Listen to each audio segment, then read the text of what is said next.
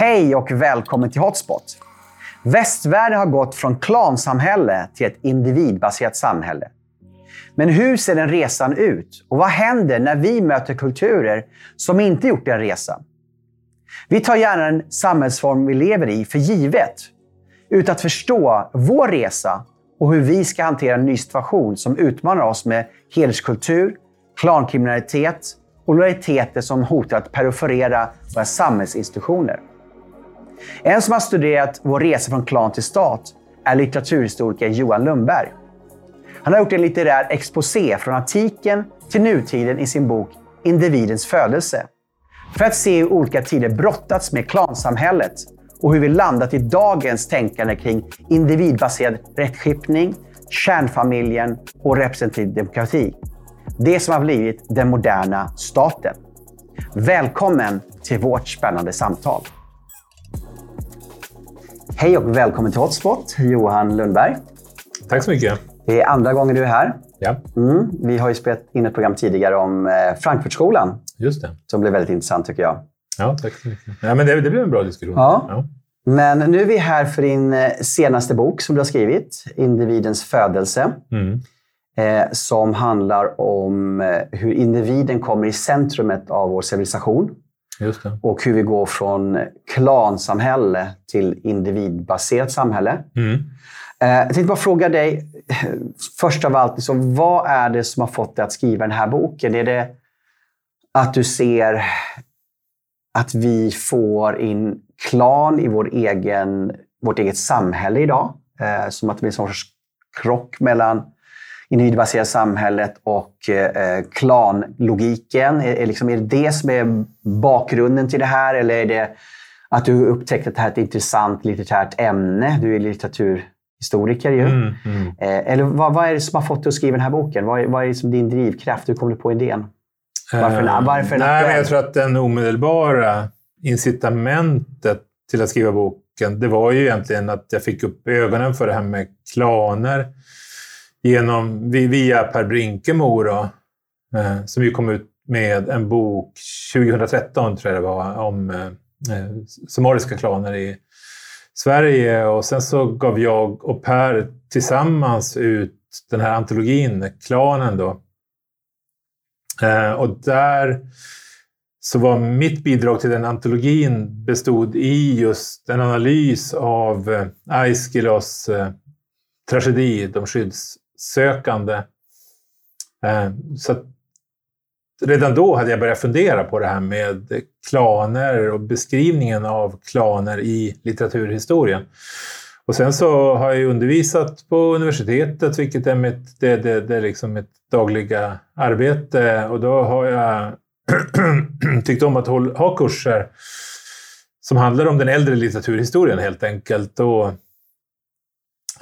ja, läser man om samma böcker år efter år och undervisar om samma böcker år efter år så börjar man också upptäcka vissa saker i de här böckerna. Bland annat ju just det här med klankulturens, eh, hur central den har varit i litteraturhistorien, i de här mm. kanoniska verken i litteraturhistorien. Att de i hög grad har handlat om klaner och i vissa fall så är det väl sånt som är rätt självklart, som till exempel klaner i den isländska sagan, det, det, det, är ju liksom familjer och släktmotsättningar som är själva grunden i den isländska mm. sagan och anledningen till att de här personerna som figurerar i den isländska sagan överhuvudtaget åkte till Island var ju att Harald Hårfagers eh, politik som gick ut på att eh, eh ena Norge på 800-talet och det var det som gjorde att inflytelserika familjer då valde att flytta till Island.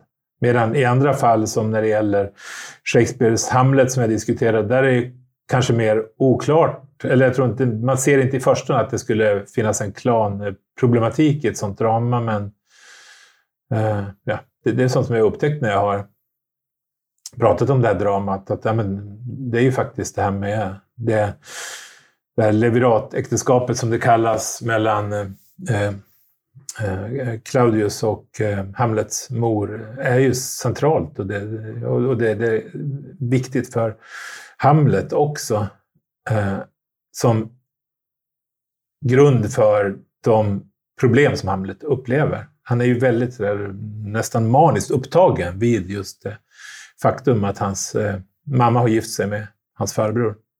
Kan du förklara leveratäktenskap för den som lyssnar som ett, som ett nytt ord för? Eh, ja, det är ju ett äktenskap. När mannen dör i ett äktenskap så gifter kvinnan om sig med mannens bror eh, eller med mannens kusin. Men med brodern är ju det vanliga. då. Mm. Eh, och eh, Det är typiskt för, för klaner just det här med att därmed har så att säga ingenting... Rent strukturellt så, så ser förhållandena exakt likadana ut. Eh, om man betraktar hur släkten ser ut.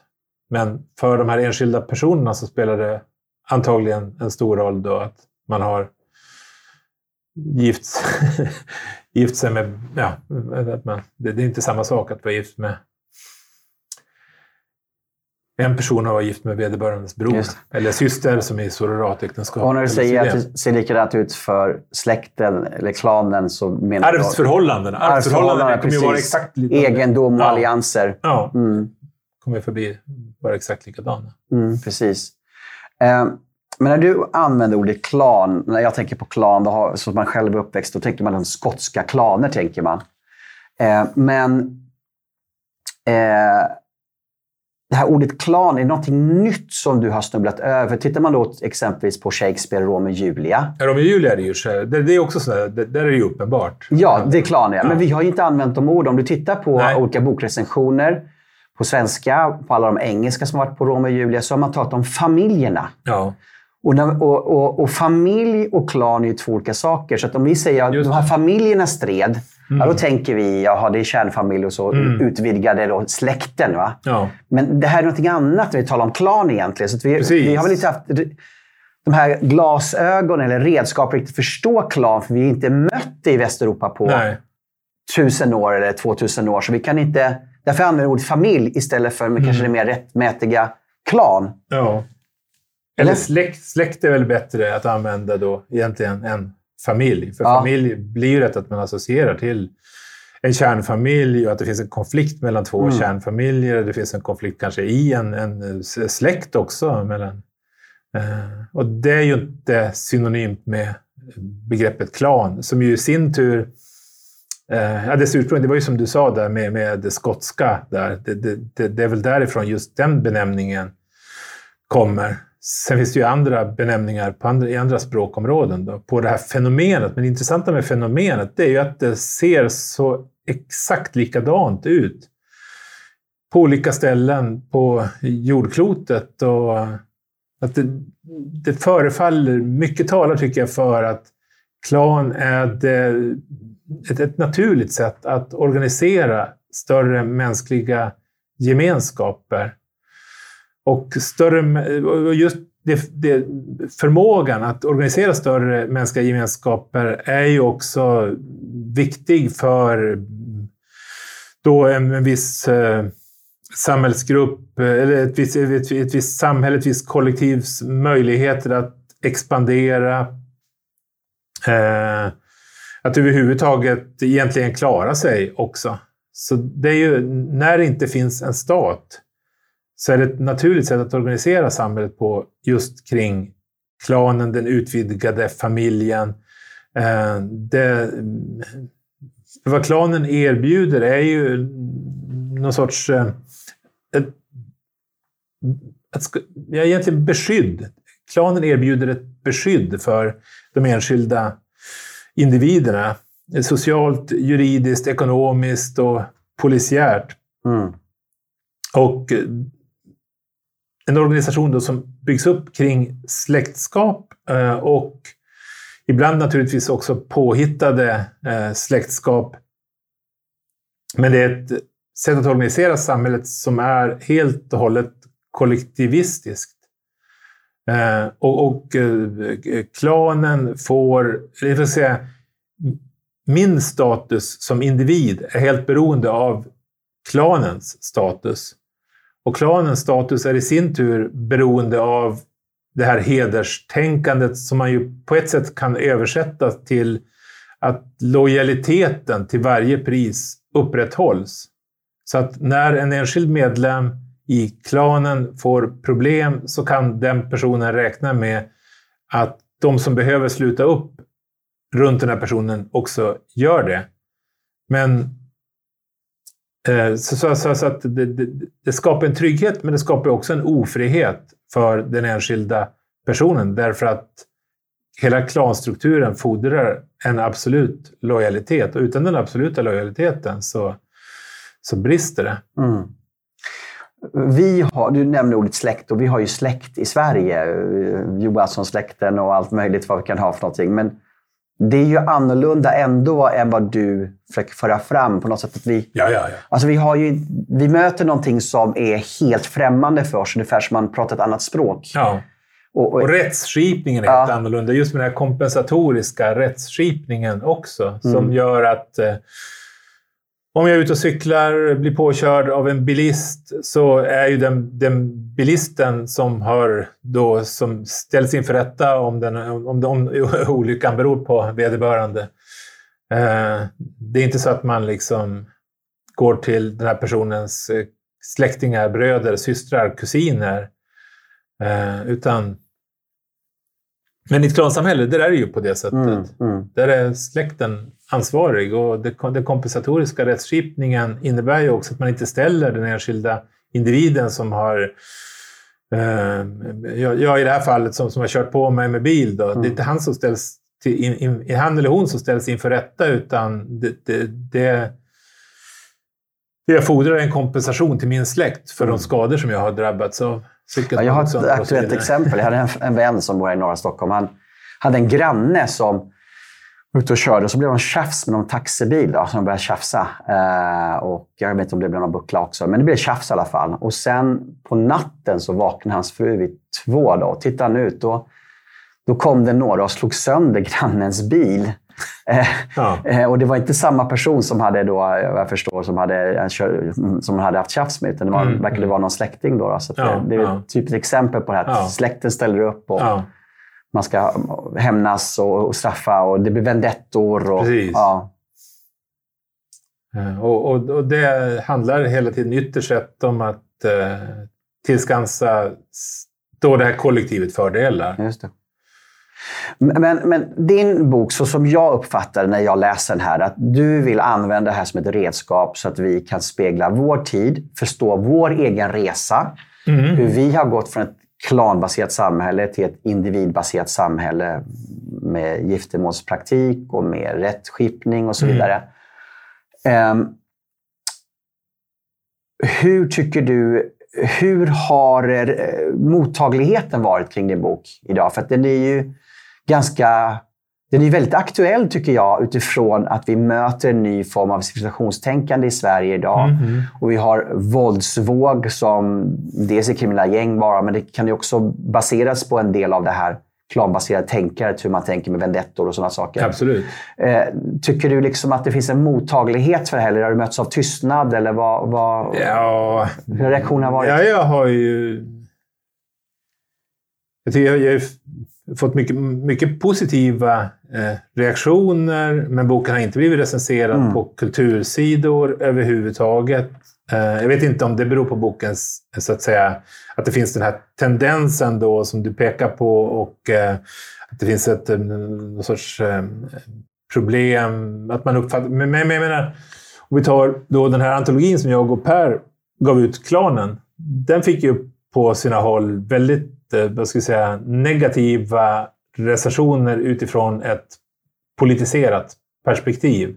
Mm, eh, mumma, jag menar, jag kommer ja. ihåg rubriken i Aftonbladet. Ja. Där var ju mumma för högerextremister. högerextremister. Eh, och eh, det, i det fallet med, med Aftonbladet-recensionen så fick det ju faktiskt kulturchefen Åsa Lindeborg, som tydligen var bortrest då när den här recensionen publicerades, eh, Eh, Eh, hon skrev ju sen en ny recension av boken faktiskt därför att hon, till och med hon tyckte att den var för att den var väldigt illasinnad och, och eh, ville... Så, så, det finns ju som säga, teoretiska tendenser inom eh, inte minst universitetsvärlden, just det här, de här postkoloniala studierna. Där har man ju då haft idén om att det finns problem att överhuvudtaget tala om distinkta olikheter mellan olika kulturer.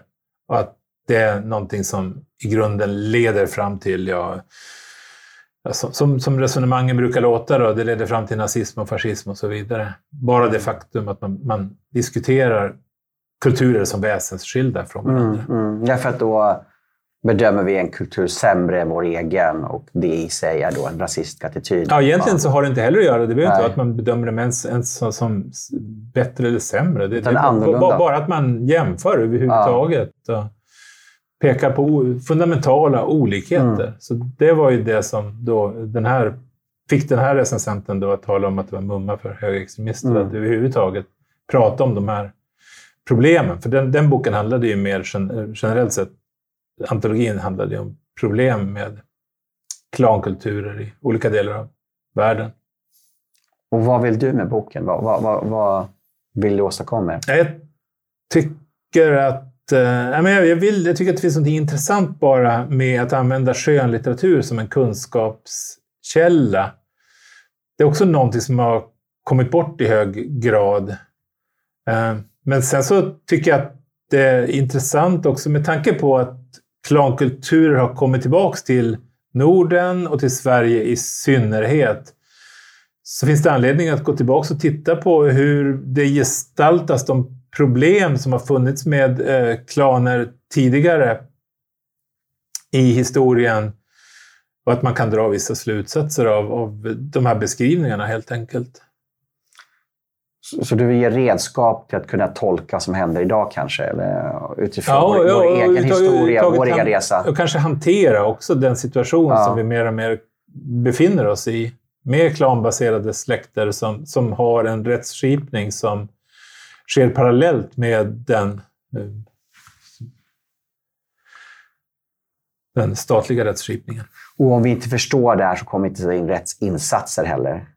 Nej, är, nej. Mm. nej att, att, att, att, förstå dels hur lång tid, hur sega de här strukturerna är och hur svåra de här strukturerna är att bryta, men också att eh, få en bild av eh, att, det finns, att tydliggöra den attraktionskraft som finns i klanen. Jag tror att man generellt sett i Sverige har haft en idé om att ja, ja, det här är liksom lite andra sätt att leva på enlighet med klaner, men det kommer att eh, normaliseras och det kommer att överges successivt. Det, det löser sig själv. Liksom.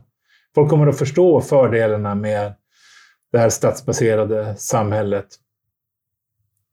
Och eh, vad jag tycker mig kunna visa där i litteraturhistorien är att det inte riktigt är på det sättet, utan att det också klanen har vissa fundamentala positiv, fundamentalt positiva egenskaper som attraherar folk och eh, man måste ha någonting att liksom erbjuda verkligen för, för, för att tydliggöra fördelarna med att välja bort klan som princip för hur man ska organisera gemenskaper. Mm.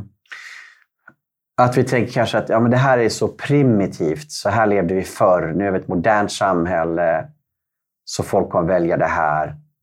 Men vi kanske inte inser att det har väldigt stora lockelser och fördelar även i ett modernt samhälle. Exakt. Därför att du får... Ja. Kanske ännu får, mer i ett modernt samhälle. Ja. ännu mer, vet inte. Men... men du har ett sammanhang, du har ja. en gemenskap, du har en släkt som ställer upp för dig, du har alltid någon att vara med. Eh, jag menar, det moderna samhället är också ett väldigt ensamt samhälle. Ja, precis. Exakt. Det var någonstans här, vi är ju här uppe i, i eh, norra Stockholm. Eh, där man kallade svenskarna för de faderlösa på arabiska. Ja, ja, ja. Ja, de, de ja. faderlösa. De, hade, de gick alltid ensamma. Ja. Mm. Men du tog upp också det här med skillnaden när det gäller familjen. Att, att det, man måste skilja på det som vi kallar för en familj. Ja. Och Kärnfamiljen. Klanen eller den utvidgade mm. familjen eller släkten. Alltså den här typen av gemenskaper, de bygger ju också på att man har full koll på genealogin. Liksom det, det, det, det, är en gemenskap som skapas med utgångspunkt i att man har gemensamma anmödrar och anfäder. Fäder. Mm. Får jag bara fråga? Eh... Och då, då, då, då, då kan man också...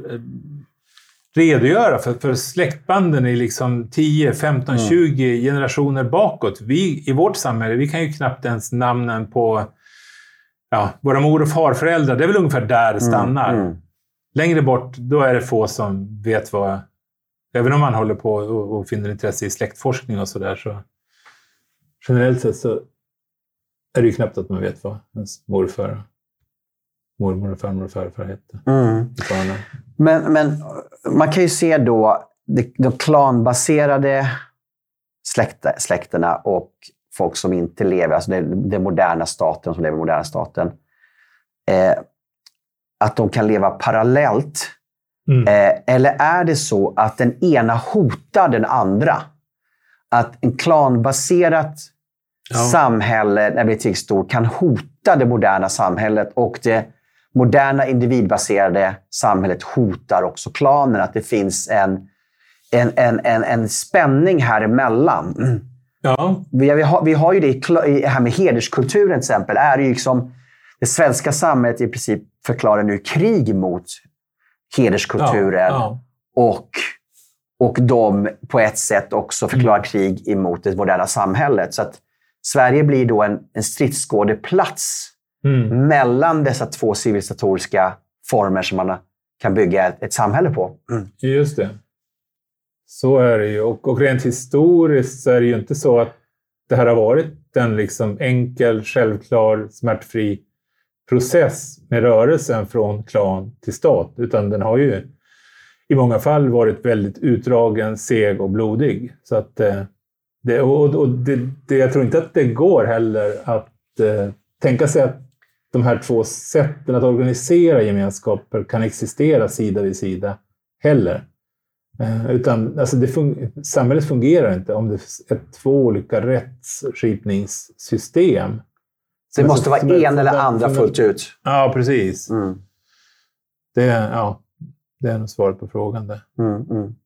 Eh, I början av din bok så citerar du eh, Josef Henriks eh, mm. och en bok som han skrivit som The Weirdest People in the World. Just det. Eh, och där handlar det ju om FN-tjänstemän eh, som då har de får inga park de, de behöver inte betala parkeringsböter. Nej, just det. Eh, men de får ju parkeringsböter därför att man vet inte vems bil det är. Eller, jag vet inte om det finns en diplomatskylt där. Men de får ju böter i alla fall. Man behöver inte betala. Ja, just det. Men de behöver inte betala. Exakt. Nej, de bötfälls. Ja. ja, de bötfälls, men de behöver inte betala. Mm. Och under fem års tid, 1997 till 2002, så delas det ut 150 000 böter i New York. Eh, bland svenskar, australiensare, nyzeeländare och kanadensare så är det inte en enda person som får böter de här fem åren. Mm. Varför har du med just den boken i, i början? Ja, ja, ja, Vad vill du alltså, säga ja, med det? Vänta, alltså, det är ju ett exempel som förekommer i ja. den boken. Alltså, boken handlar ju egentligen inte om nej, nej. detta, utan det, nej, det är bara okay. några, ja. några, sidor. Men jag tyckte mm. det var ett väldigt belysande eh, exempel. Därför att han går ju liksom sen vidare också. Och, och, och för först är ju... Ja, just det. Så, så han till att studera korrelationen mellan till exempel just eh, kusinäktenskap till exempel. Mm. Den också då följer med just det här beteendet när det gäller hur, hur, hur man parkerar. Eh, och det var ju helt enkelt, det var väl två så här etnologer eller antropologer eller vad det kan kallas för, som eh, såg det här som att men det var väl ett in, intressant material att använda för just en undersökning. Eh, där så många människor från olika delar av jorden deltar, så, så, så ser, ser, man ju de, de här fundamentala skillnaderna eh, i olika beteenden och hur det korrelerar då med huruvida man kommer från ett land med en stark stat, med hög eh, tillit, med lite korruption, med stor eh, tolerans mot främlingar, individuell frihet och så vidare. Så det, det, det är liksom på flera olika plan så, så eh, finns den här korrelationen. Och din slutsats är då, vad? En, en, en, slutsats är ju att det, hur mycket vi som individer också påverkas av eh, den, eh, hur, hur det samhälle som vi kommer ifrån är organiserat. Mm. Eh, Och, eh, och, och, och också, det, det är ju liksom en poäng med den här boken som Henrich har skrivit är ju, skrivit är ju också att påvisa just det, jag ska säga, vi i västvärlden uppfattar vårt sätt att organisera samhället som fullkomligt normalt. Men egentligen är det vårt sätt att organisera samhället som är den avvikelsen helt enkelt. Om man ser rent historiskt och geografiskt så är det det, det klanbaserade samhället, som jag var inne på tidigare, det, det, det framstår som det liksom, normala sättet att eh, organisera ett samhälle på. Därför... Men av olika anledningar så har vi i västvärlden fjärmat oss från eh, det här samhället och det är det som då framkommer i den här historien med de här parkeringsböterna. Och kanske inte tar det för givet heller att det samhälle vi har kommer nej, nej, bestå? Nej, nej, nej, precis. Mm. Det, det, det, det, är som att vi har liksom uppfattat det som fullkomligt som, som normen. Men det är därför mm. också, också boken heter The Weirdest People in the World. Det syftar ju på eh, västvärlden. Mm. Och, eh, och där följer jag väl i mångt och mycket den historieskrivning som finns i den boken, men, men även i en hel del andra internationella verk då som just har intresserat sig för den här otroligt segdragna processen i västvärlden som har lett fram till eh, ett, ett samhälle organiserat kring den starka staten och ett samhälle där just organisationen runt familjen och släkten har eh, försvunnit. Mm. Eh, du, du gör ju många så nedslag i din epos i litteraturhistorien. Du har antiken med Aeschylus, du går in i romarriket, du har eh, de isländska sagorna, eh, Dante Alighieri, mm. Shakespeare och så vidare. Eh, och vi kanske landar i någon av de här eh, kapitlen där du går in på de olika litterära verken. Men jag skulle vilja gå lite grann på de här företeelser som återkommer hela tiden i de olika berättelserna, de olika mm. litterära verken. Och det är ju att i släkten och i klanen så är ju då, eh, den knyts ju samman av äktenskapet. Äktenskapspraktiken. Mm. Eh, och då nämner du endogama och exogama äktenskap. Just det. Eh, vad är det för någonting och varför är det så viktigt för, för klanen?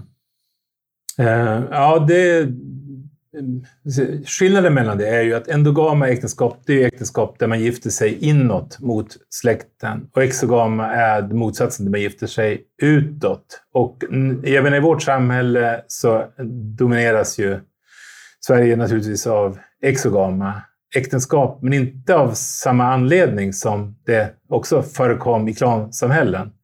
För i klansamhällen, det var ju själva poängen med de exogama äktenskapen var ju att man skulle knyta allianser med andra familjer så att man på det sättet kunde få klanen att växa och eh, på det sättet kunde man skapa just lojaliteter också mellan de här olika mindre enheterna i klanen.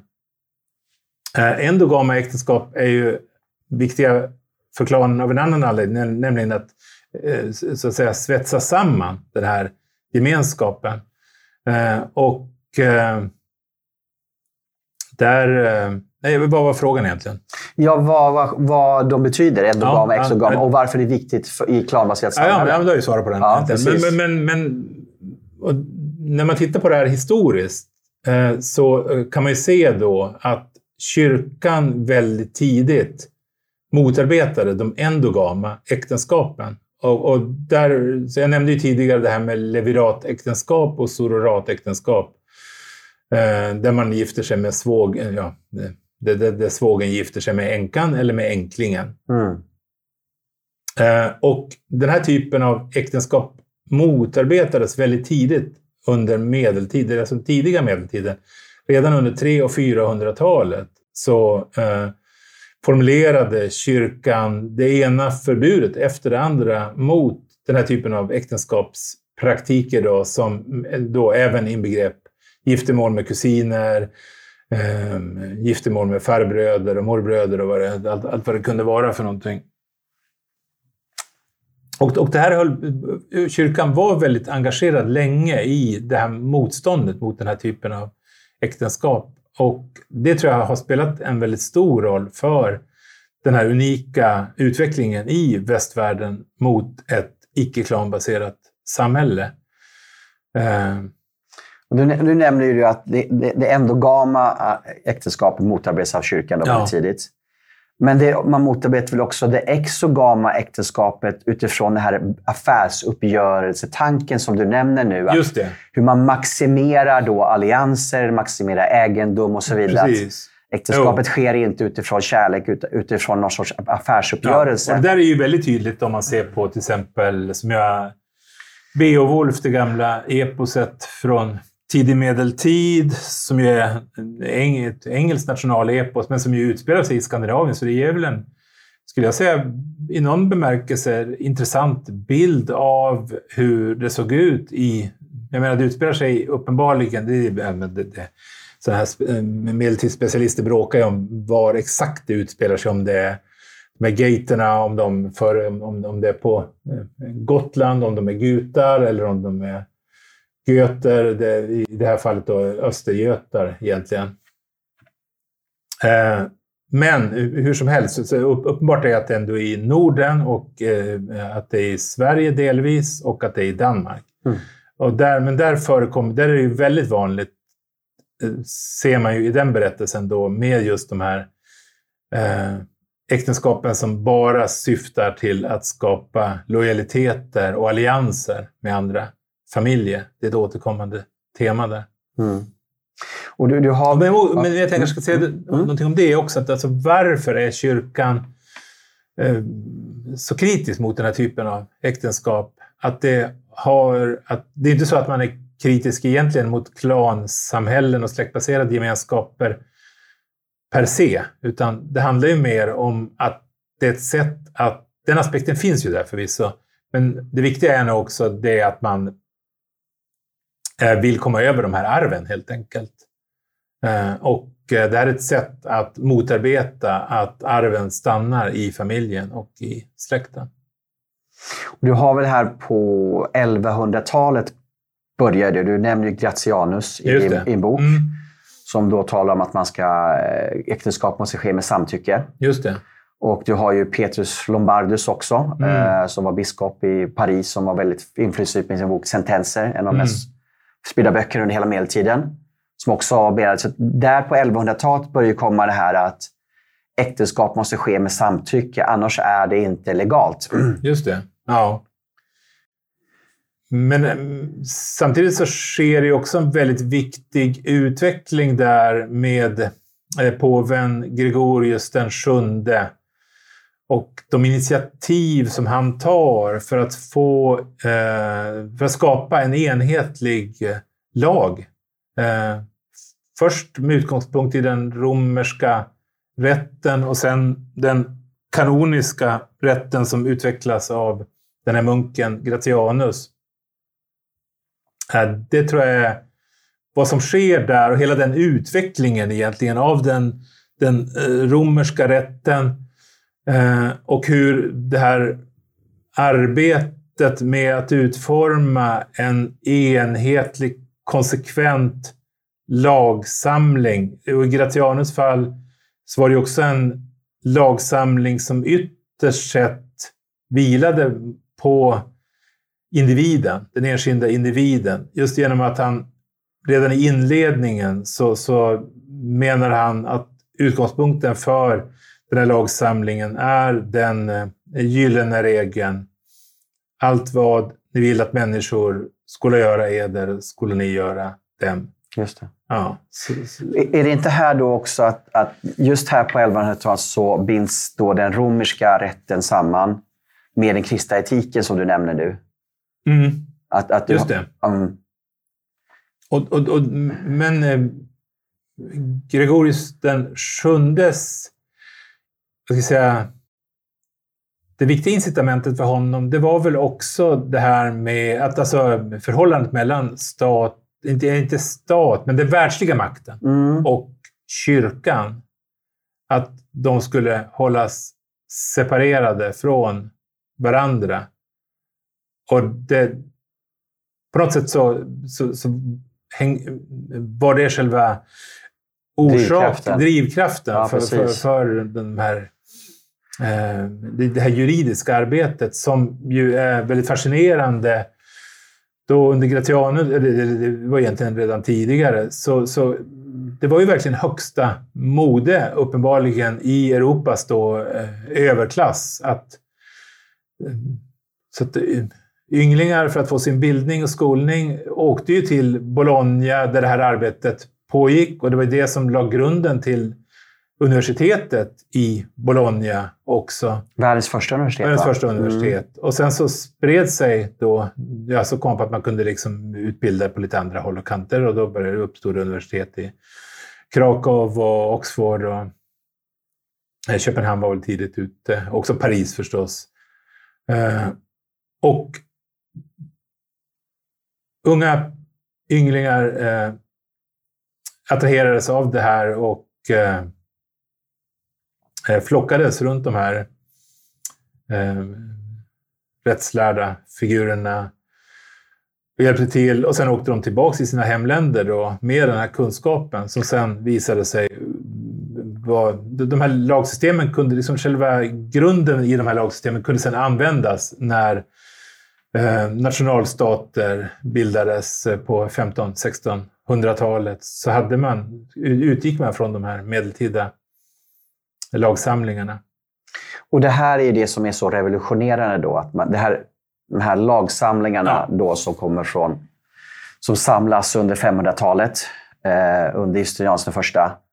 Ja, det börjar ju där, men, Ja. men sen så slarvar man ju bort eh, hans romerska, den romerska rätt som han skapade, just. Justinianus.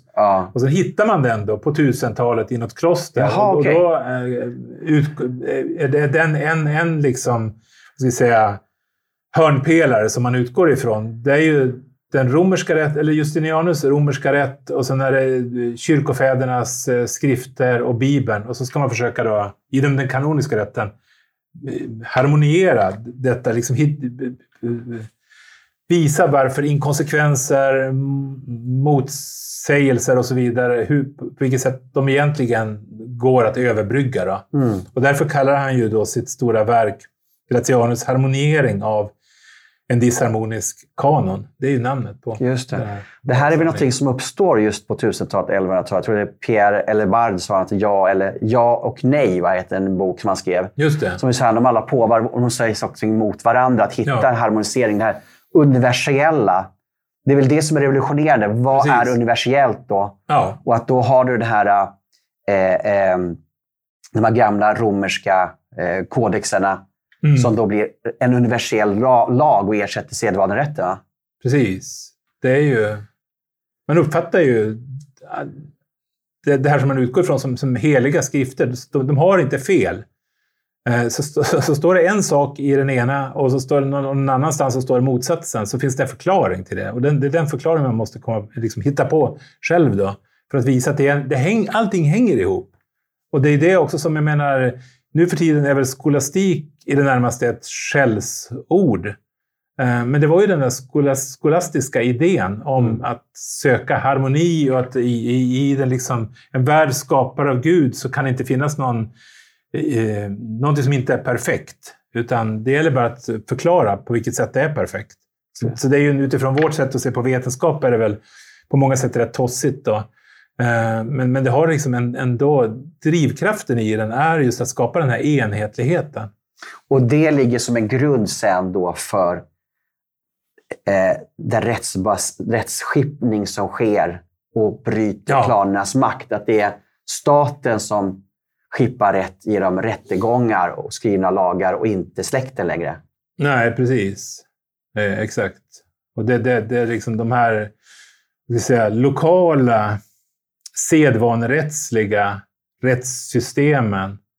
De uppfattar man som... Ja, men det, det, det tillhör liksom det förflutna. De, de är i sig inte rättvisa egentligen. Mm.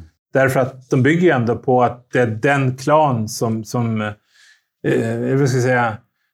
Det, det, sedvanerätten bygger ju på att upprätthålla det här klansystemet som i, sin som i sig inte är rättvist. Utan, utan ut, agerar jag utifrån min klan så, så jag agerar jag hela tiden för, för att den här klanen, för att min släkt ska få fördelar. Jag agerar inte för att uppnå en, en rättvis dom.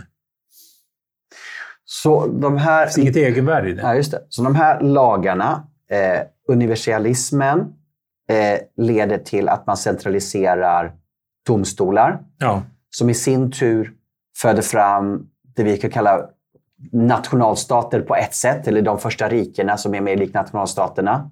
Just det. Och sen, sen leder det till, också spiller över sig, en byråkrati som växer fram ja. på 1500-1600-talet. Ja. Och här utifrån det så kommer den moderna staten, det som vi har idag. Precis, med autonoma maktcentra, opersonlig ämbetsmannautövning. De där idéerna springer ur just den här utvecklingen under medeltiden. Eh, och det tycker jag, det är väl... Ja, det, det, har varit en ögonöppnare för mig i alla fall under arbetet med boken. Jag har tidigare nog antagit att, jag menar på det sättet så spelas ju upp, upp, upplysningen spelas ju ner egentligen utifrån ett sånt här historiskt perspektiv. Vad de gör är ju att de, det, det är några andra som redan har krattat manegen när upplysningens filosofer eh, träder in på arenan. Eh, så, att den här kategoriska uppdelningen eller kontrasten som man har räknat med tycker jag i hög grad i idéhistorien och filosofihistorien med motsatsen mellan medeltid och renässans och sen då och ännu mer mellan medeltid och upplysning. Den, ja, den går inte att upprätthålla, den mm. kontrasten. Sprången är inte så stora nej, egentligen. det är mer ett kontinuum nej, som ligger långt precis. tillbaka. Med... Exakt, en lång mm. utdragen utveckling. Så. Mm.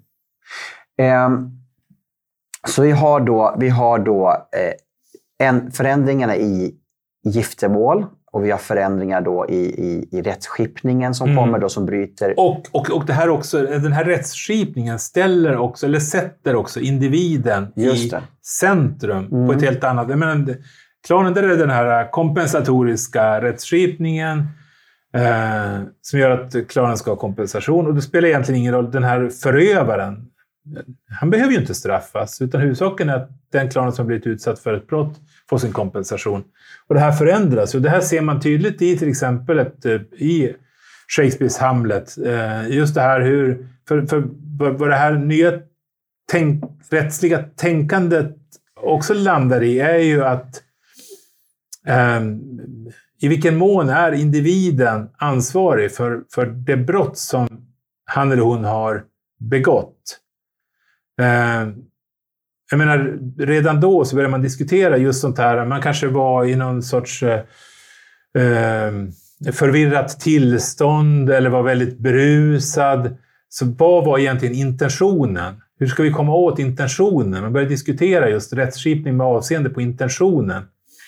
Och det tycker jag är intressant om man ser på Shakespeares Hamlet, som jag ju inte behöver då redogöra för handlingen, för det känner väl de flesta till. Men det är ju ett drama som är också där de olika figurerna är helt besatta av det här med, med intention. Det är liksom just det här, det spioneras ju hela tiden i Hamlet. Det, det är liksom iscensätts olika, men Hamlet iscensätter det här dramat i dramat till exempel för att få se hur eh, Claudius, hans farbror, ska reagera eftersom det är en parallell till det här mordet på Hamlets, Hamlets far. Eh, och, och, och, sen så är det, man gömmer sig bakom gardiner och så vidare för att höra liksom Hamlet tillsammans med Ofelia. Så, så otrolig fixering vid det här med intention. Och det, det är liksom hela Hamlets egentligen liksom, pro, ja, problematiken det kretsar kring. Just det här med att det finns ingen egentligen, vad ska jag säga, ledstjärna.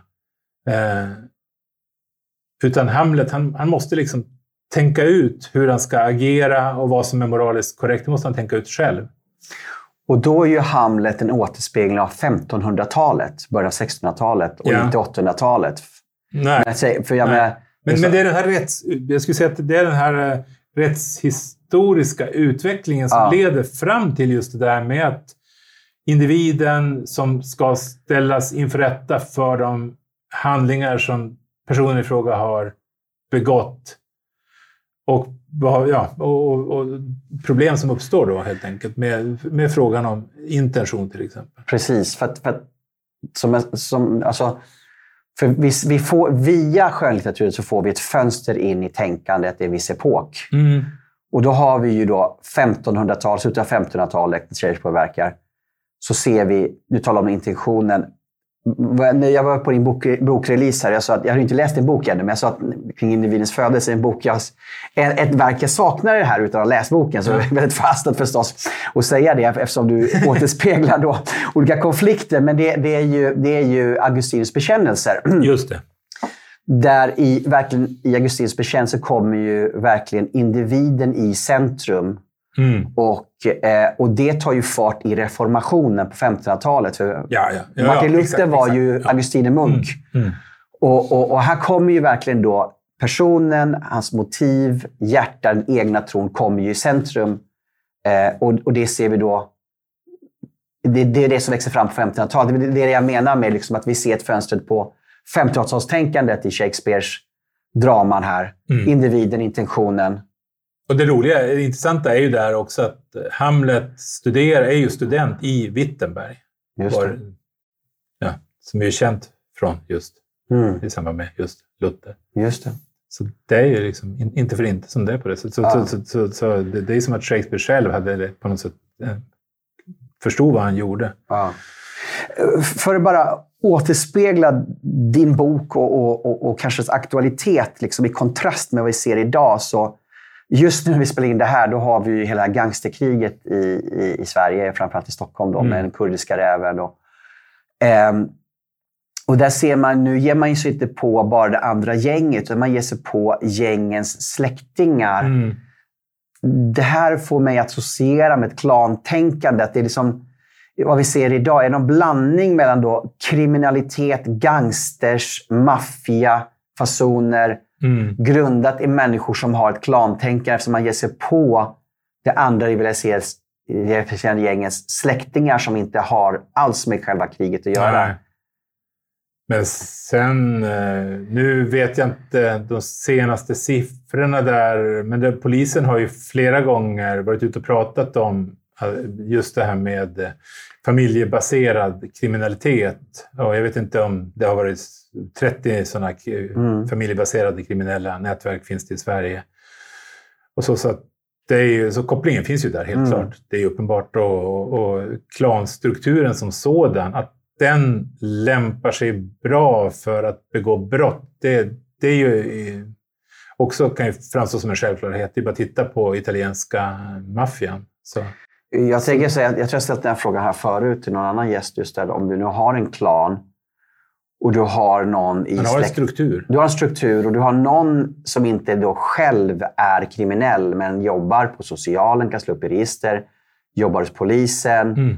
jobbar i någon kanske tillståndsmyndighet, ska ge tillstånd till den här släktingens eh, ja, förhandla upp affärer från kommunen eller vad som helst. Att, att det finns flera led i den här klanbaserade kriminaliteten som, som äter sig in i hela samhället om inte vi förstår hur det Ja, fungerar. Ja, precis. Det, det, det var det jag sa tidigare. Där. Mm. Det, det, det går inte att ha två parallella system för hur samhället ska organiseras. Det, det. Men, men, men sen tror jag just ett annat problem eh, är ju också alltså just det här med Alltså en dysfunktionell stat är ju den bästa jordmånen för klaner. Det kan man ju också sluta sig till Mm. rent historiskt och i litteraturhistorien också.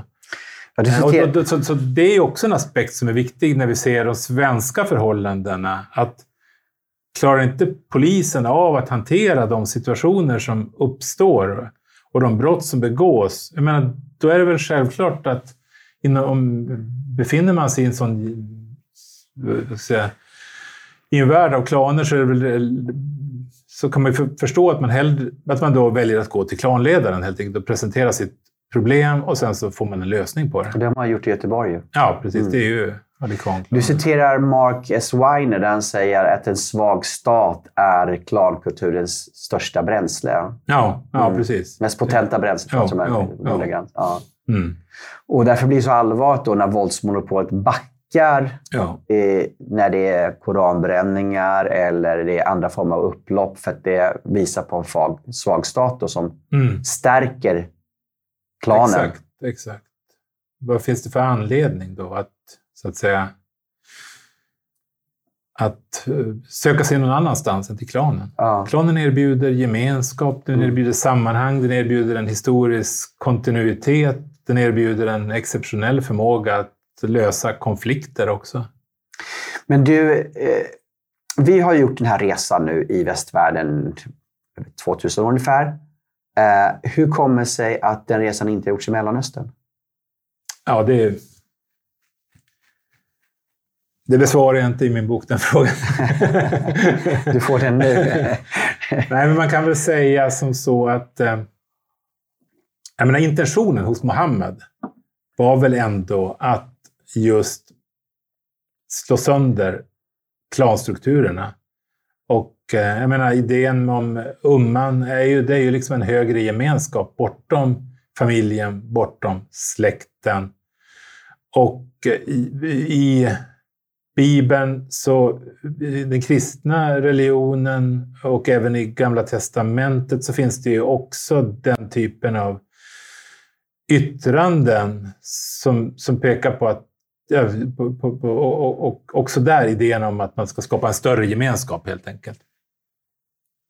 Eh, och varför det då lyckades bättre med kristendomens eh, strävan efter detta, det, jag, vet inte.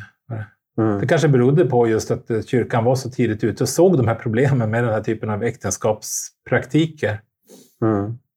Eh, Jag tänker på, det står ju i Galaterbrevet just betoningen på individen, att i Kristus är varken man eller kvinna, slav eller fri, eh, grek eller jude. Alltså varken etiska konflikter, könskonflikter eller klasskonflikter.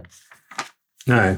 nej. där Nej, individen kommer i centrum. Och jag vet inte om det finns något, det, är det. det är inget liknande i islam, där individen är i centrum. Utan Nej. antingen klanen så är, eller så är det umman, då, den muslimska gemenskapen.